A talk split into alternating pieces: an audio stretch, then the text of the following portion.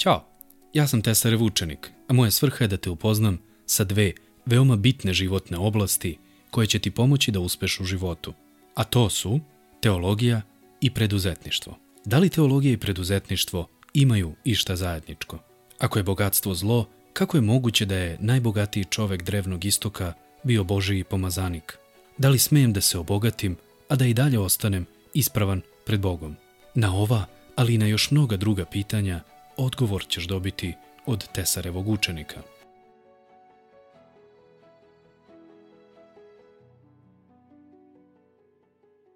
Zašto smo izbacili Boga sa posla? Zapravo, pitanje bi trebalo da glasi zašto smo izbacili Boga iz svog života. Hrišćanstvo u Srbiji se već decenijama svodi na religioznost, pripadnost određenoj grupaciji i poštovanja običaja ili tradicije. Nažalost, svih onih koji misle da je dovoljno sebe nazivati hrišćaninom, a koji ne žive kao da su Hristovi, moram ih razočarati i napomenuti im da će Isus kada za to dođe vreme reći idi od mene nisam te poznavao. U Matejevom evanđelju u sedmoj glavi čitamo Neće ući u carstvo nebesko svako ko mi govori gospode, gospode, nego onaj koji izvršava volju oca mojega koji je na nebesima. I mnogi će mi govoriti u onaj dan, gospode, gospode, nismo li prorokovali u tvoje ime? U tvoje ime izgonili demone i u tvoje ime činili mnoga čuda. Onda ću im ja reći, nikada vas nisam poznavao. Odlazite od mene vi koji činite bezakonje. I možda nekima to nije ni bitno, jer zapravo Hrista nikada nisu ni upoznali, a možda nisu ni imali prilike da ga upoznaju, jer jedino do čega su stigli su bila vrata hrama, sam hram ili mesto okupljanja vernika i to je to. Krstili su se. Poneki molile oče naš, iako pitanje sa kakvim srcem, ispoštovali tradicionalne obrede za bitne praznike i nastavili sa svojim životom kao da je biti hrišćani samo jedan deo njihovog života. Srbi se posebno ponose verom pravoslavnom i svetosavskom verom, a ja se pitam šta bi Sveti Sava danas rekao kada bi video stanje Hristovog tela u Srbiji. I još dalje, verujem da bi se Ćirilo i Metodije, prvi misionari na ovim prostorima, krstili i rekli da to uopšte nije ono što je Hrist ostavio kao zapovest kada je rekao da idemo i činimo druge učenicima. Međutim, bez obzira na to da li je vama ovo bitno ili ne, bez obzira da li ste pravoslavni, pripadate nekoj drugoj hrišćanskoj zajednici, bilo da ste ateista, agnostik, pa čak i da ste ubeđeni fanatik koji ide ulicama ili koristi društvene mreže da obraća ljude ka Hristu, mora vas još jednom uplašiti i reći ništa od toga nije bitno Vjerovatno onaj koji je došao do ovog dela se već pita šta priča ovaj čovjek, bre? Prvo, Hrist nas neće poznati. Drugo, ocrnio srpsku tradiciju. I sada još govori da smo svi nebitni. Ja ti kažem, brate ili sestro, u svom tom razočarenju ili besu koji trenutno osjećaš, ti si nebitan. Što više, ja sam nebitan. U Božijim očima smo bitni onoliko koliko smo sa Hristom ili u Hristu. Bogu je bitan samo onaj koji je Hristov, a Hristov je onaj koji je prihvatio Hrista u svoj život i koji živi onako kako je Hrist zapovedio. A ni to što je zapovedio nije teška zapovest, samo je rekao voli gospoda Boga svoga i voli bližnjega svoga. Sve ostalo što nam je ostavio kao zavet, sve je samo ishod ove dve voljne aktivnosti. I nemoj sad misliti, brate ili sestro, da sam ja ovde da bih osudio, jer ja sam u istom sosu, jer ja ponekad zastranim i udaljim se od Boga. Ja sam ovde da te vratim na put, da ti pokažem kako da se susretneš sa Hristom, kako da živiš ponovo sa njim. I ako se pitaš zašto, to je dobro pitanje, jer to znači da te zanima i kako. A ako ćeš samo da preskočiš ovaj video i nastaviš dalje sa svojim životom, to znači da si zadovoljan sa onim što jesi i što imaš, iako je pitanje kada će te to zadovoljstvo proći. Istina je da nas ljude, pogotovo u vreme ovih instant tehnologija, sve brzo prođe. Čas nam se dopada jedna stvar, čas nam se dopada druga stvar, čas osjećamo super, čas se osjećamo beznadežni. U svemu tome ima nade. Jer je Hrist nepromenljiv i on je uvek isti. On je uvek pun ljubavi, spreman da oprosti, da prihvati, da podrži i osnaži. Zašto toliko Hrist, Hrist, Hrist? Ne govorim ja toliko o Hristu zato što sam tamo neki sektaš koji je opčinjen Hristom i koji je daleko od pravoslavlja kako su mi neki ljudi pisali u komentarima. Ja govorim o Hristu jer je On ispunjenje svetog pisma, jer je On gospod Bog. Govorim o njemu jer se zovem hrišćaninom, jer slavim Boga otelovljenog u Hristu. Ne bih da ulazim sada u debate zašto ne pričam o nekim drugim crkvenim pitanjima, koje je meni uopšte dao pravo da govorim o hrišćanstvu, odakle meni sve ovo.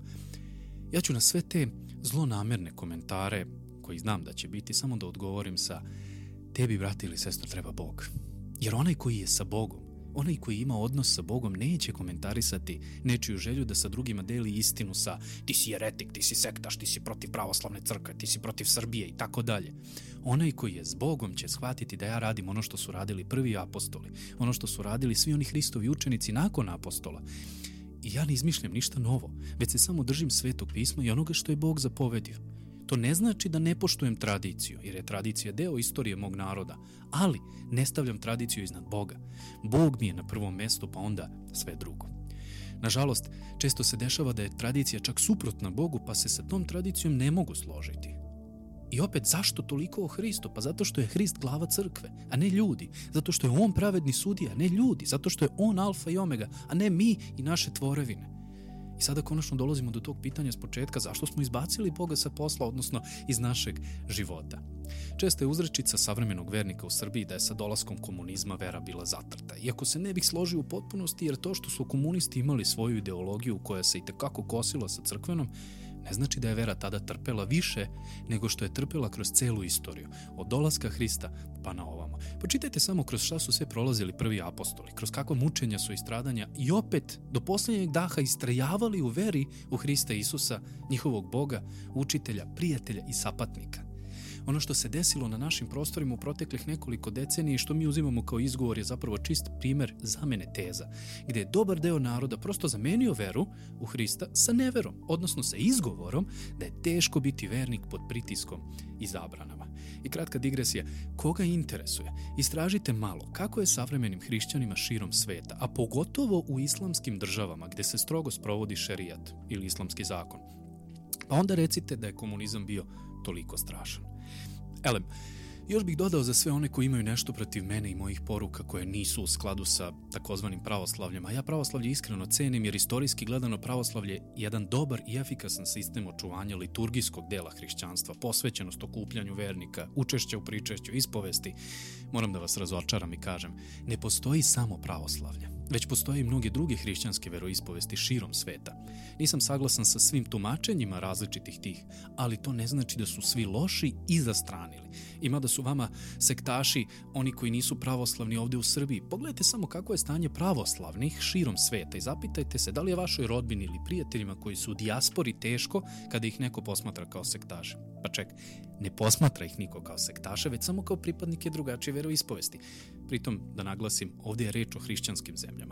Kada govorimo o onim zemljama u koje su progonitelji hrišćana, njima su svi loši. Bilo da su pravoslavni, katolici, protestanti. Za njih smo mi uzurpatori mira, bez obzira na to šta poruka hrišćanstva nikada nije bila poruka nereda i nemira, već je poruka ljubavi i pouzdanja u trojedinog Boga koji je car nad carevima i koji vlada carstvom nebeskim koji je iznad svih carstava, država, poglavarstava ovoga sveta. E sad, kad sam u nekoliko minuta sažeo trenutno stanje hrišćanstva, želim da se zapitaš ti koji ovo gledaš, zašto ne želim Boga u svom životu? Šta je to što ti radiš i što je to što toliko loše ili toliko dobro da ti Bog ne treba? Da li misliš da si ti toliko pametan da ti ne zatreba ponekad da se pomoliš da ti Bog da mudrosti? Da li misliš da ti je toliko teško da ne možeš da se pomoliš da ti svemogući Bog, koji je pretrpeo užasne patnje i stradanje, pomogne da se izboriš sa time? Između ostalog, da li misliš da si toliko sposoban da budeš uspešan, da makar jednim delom nisi zahvalan na tom uspehu onome kroz kog ti dolazi sve što imaš? Znaš, prijatelju, ima jedan stih u Novom Zavetu koji govori i Isus je rekao da Bog daje da njegovo sunce obasjava i zle i dobre i daje kišu i pravednima i nepravednima. I čak i ako ne veruješ u Boga, Bog postoji. On se stara i za tebe i za mene i za svaku onu dušu koju je stvorio i koja je delo njegovih ruku. Prošli put sam govorio o tome kako je Bog preduzetnik i kako je On tvorac svega vidljivog i nevidljivog. Pa zar nije onda logično da sarađuješ sa tvorcem? Zar nije logično da ti on bude blizak? Zar ne treba da se osvestiš i razmisliš koliko ja sebe smatram velikim, da je meni onaj koji je veći od svega što postoji zapravo niko i ništa? E tu leži jedna žalosna istina koja se veoma brzo širi u poslednjih deseta godina, a to je uzdizanje njega i mene samog. Ja sam toliko sposoban, tolika je moć u meni, toliko sam ja bitan, niko drugi mi ne treba. Jedino sebi mogu da verujem, jedino u sebe mogu da se uzdam, a onda kada dođu pritisci, puknem. I nakon toga osvanu naslovi u novinama ili televizijskim emisijama. Ubistvo na ovom mestu, užasna tragedija na onom mestu. Naravno, užasne stvari se dešavaju i hrišćanima i nehrišćanima, ali oni koji su iskrenog srca sa Bogom nisu kadri da počine takve stvari. Isto tako, nisu kadri ni prevariti, niti činiti zlodela, a ni krivična dela. Pa opet, toliko smo okruženi silnim hrišćanima u ovoj našoj zemlji, a mito i korupcija cvetaju, tajkuni jadu preduzetnike, male firme propadaju i da ne nastavljam dalje. Pa zašto je tako? E, zato što se ono malo iskrenih hrišćana u Srbiji plaši da budu iskreni hrišćani jer se plaše da će biti progonjeni i posmatrani kao fanatici zato što žive po iskrenoj veri. A ono ostalo što se naziva hrišćanima ni ne razmišlja o tome šta znači biti hrišćanin, već im je crkva društveni klub u koji zalaze jednom nedeljno i to samo ako uhvate vremena.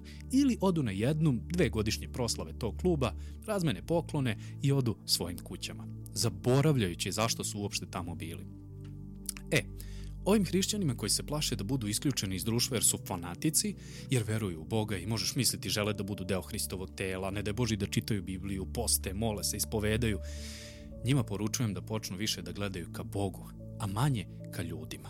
I da se podsete šta je Hristos rekao u propovedi na gori. Blaženi ste kad vas budu vređali i progonili i kad vas zbog mene lažno optuže pripisujući vam svako zlo. Radujte se i kličite velika nagrada vaša na nebesima. Tako su progonili i proroke pre vas. Nije lako stati ispred ljudi i reći vaše mišljenje mi je nebitno jer sam Božiji čovek, ali daleko vrednije od mišljenja ljudi je ono što radimo sa Bogom. Moj stav je da iz ljubavi koju osjećam prema njemu delim sa vama svoju veru, ne da bih vas davio, preobraćao, uvlačio neke zastarele priče, pametovao, već da bih vam pokazao gde je spas, gde je istina, u kome je radost, u kome je život.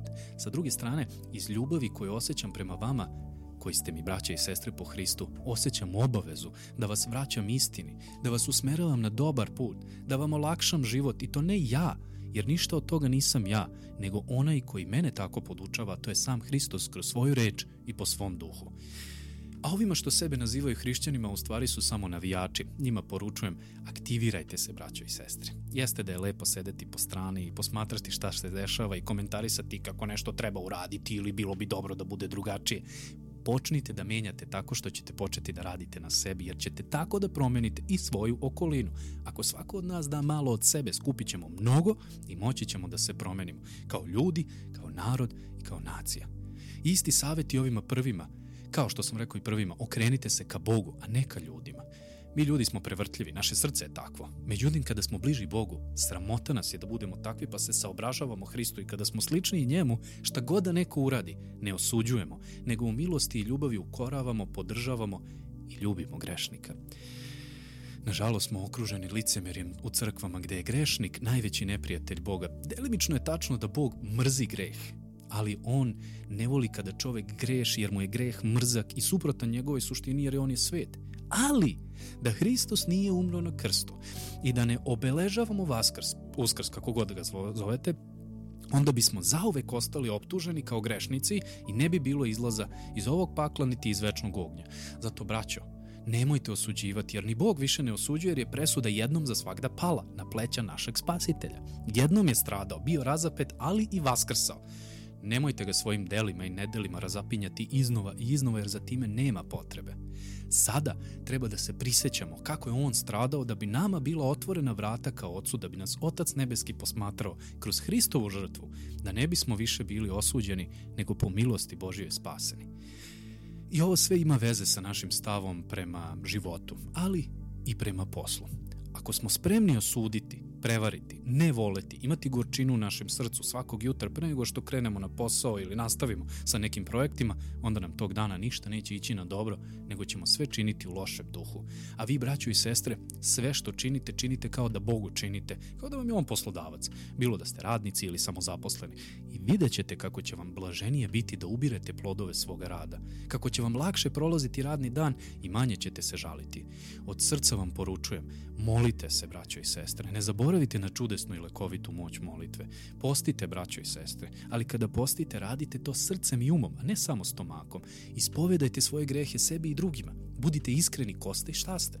Opraštajte jedni drugima i želite dobro jedni drugima.